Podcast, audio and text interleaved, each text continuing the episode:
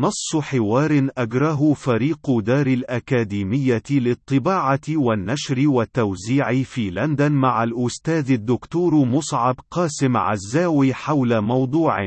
هل من صحفي مستقل؟ دار الأكاديمية للطباعة والنشر والتوزيع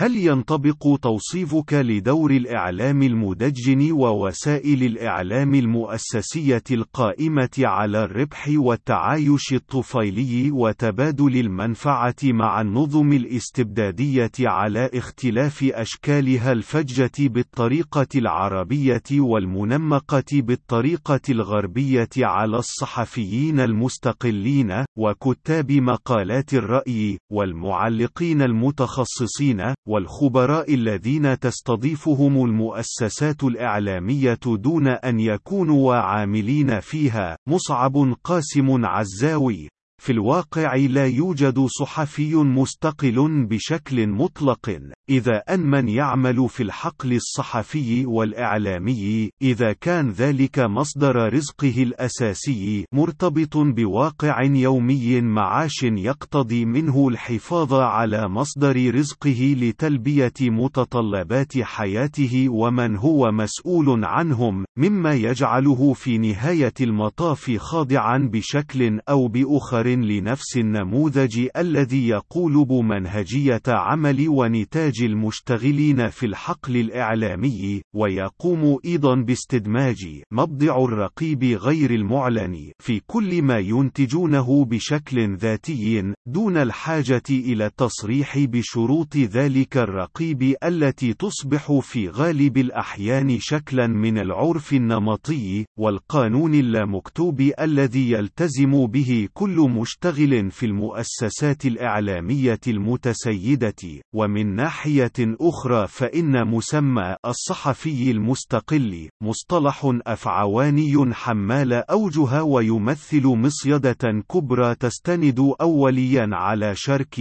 الحيادية الضمنية التي يشي بها مسمى المستقل والذي في كثير من الأحيان هو صحفي مزروع سواء كوكيل مباشر لجهة مسيطرة ذات مصلحة في صياغة الرأي العام من قبيل الشركات الرأسمالية الكبرى العابرة للقارات أو من المؤسسات العسكرية الأمنية التي تتداخل في حالة من التعايش والتعاضد الطفيلي مع تلك الأخيرة في معظم أرجاء الأرضين وهو شخص تتركز مهمته أن يكون بقنا وناطقا شبه رسمي باسم تلك الجهة في لبوس منمق من الحيادية تسبغه عليه صفة الصحفي المستقل وفي بعض الأحيان الاستثنائية وخاصة حينما تحتاج وسائل الإعلام المسيطرة إلى إعلامي خبير في شأن تخصصي ليس في كوادرها من هو ضليع به وليس في شبكتها ودليل الخبراء الذين تتعامل معهم من هو مؤهل للتنطع بالتعليق أو الكتابة عن ذلك الموضوع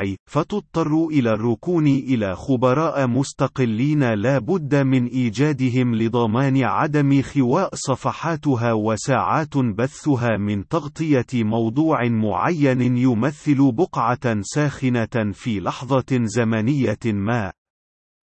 وهنا تبرز آليات الترشيح الفكري في اختيار ذلك المحظوظ بانتقائه لمهمة ملء الفراغ عبر إخضاعه لسلسلة من المقابلات مع عدة محررين لضمان أن آراءه وتعليقاته سوف لن تخرج في أي منها عن ضوابط ومحددات الرقيب الباطني التي استبطنها كل مشتغل كفؤ وناجح في الحقل الإعلامي وحتى عندما يتجاوز ذلك الخبير المصطفى كل مرشحات التصفية الفكرية اللازمة فسوف يتم استخدام مقوله بشكل اجتزائي انتقائي في غالب الأحيان على شكل اقتباس بعدة كلمات أو جمل في نص إعلامي مكتوب أو تصويرا أو تسجيلا لثواني معدودة إذ كان السياق الإعلامي مرئيا أو مسموعا بحيث لا يمكنه بأي حال حتى لو تمكن من الخروج عن ضوابط الرقيب الداخلي تقديم أي فيكرة أو نسق منطقي متكامل قد يسهم في لفت نظر المتلقي إلى حقيقة ما أو كشف ملابسات ما قد يكون خافيا في لج الزحام الإعلامي المصطنع الذي يراد به تثبيت شواش واضطراب المتلقي إلى درجة تعطيل قدرته على تمييز الغث من السمين مما يضطره في المآل الأخير إلى الاستسلام والتسليم بالحجة الجوهرية التي تمثل جوهر الرسالة الإعلامية الأكثر تكرارا في ذلك الزحام ليصبح استبطان وعي القطيع الجمعي الهائج البديل الوحيد عن التفكر المنطقي المستند إلى الحجة والحقائق دون مواربة أو مخاتلة أو تزييف فيصبح مثلا الطاغية صدام حسين مسؤولا عن أحداث الحادي عشر من سبتمبر والأب الروحي للجناح العسكري لتنظيم القاعدة إذ أن كل وسائل الإعلام وخبراؤها المستقلون يقولون ذلك وهو ما يقتضي وفق وعي القطيع الهائج أن يكون كذلك صحيحا فلا يمكن أن يكون كل ساسة القطيع على خطأ فيما يقولونه ويرددونه.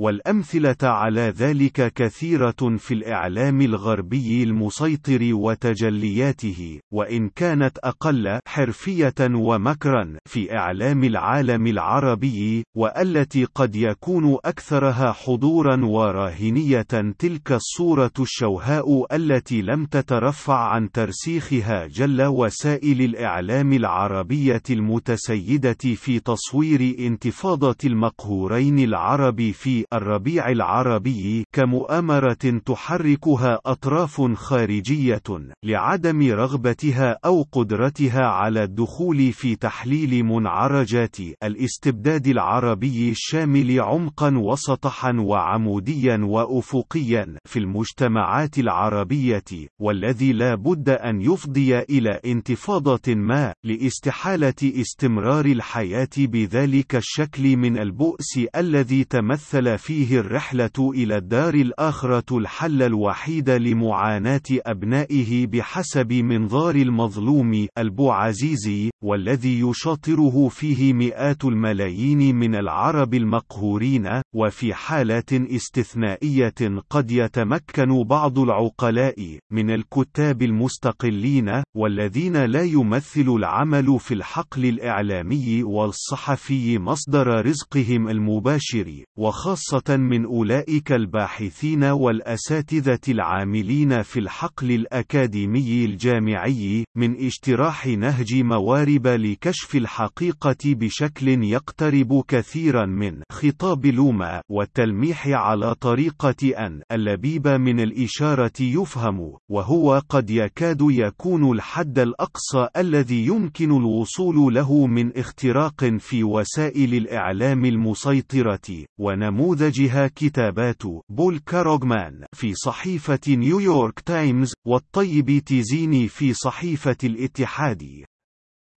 ويوفر ذلك النموذج من الاختراق غير الجذري وغير المؤثر من الناحية الكمية والتكرارية في سياق الطوفان الإعلامي فرصة سبغ صفة الحيادية اللازمة وتقديم مثال ملموس على الفسحة الحرة المتاحة للرأي والرأي الآخر في هذه المؤسسة الإعلامية أو تلك دون التطرق إلى أن الرأي الآخر سوف يحظى في أحسن الأحوال بحصة مجهرية مما ينضح به ذلك الطوفان من الرأي الأوحد الذي يصب في مصلحة من يحرك ويرسم سياسات تلك المؤسسة الإعلامية أو تلك ويرتبط بها عضويا ونفعيا قليلا أو كثيرا ضمن نسق هيمنة المتحكمين بمصادر الثروة والسلطة وتغولهم على حيوات المؤسسة المفقرين المظلومين المقهورين بأنساق قد تختلف في تمظهراتها في كل مجتمع بعينه دون أن يغير ذلك من مآلاتها شبه المتطابقة فيما بينها في عموم أصقاع المعمورة.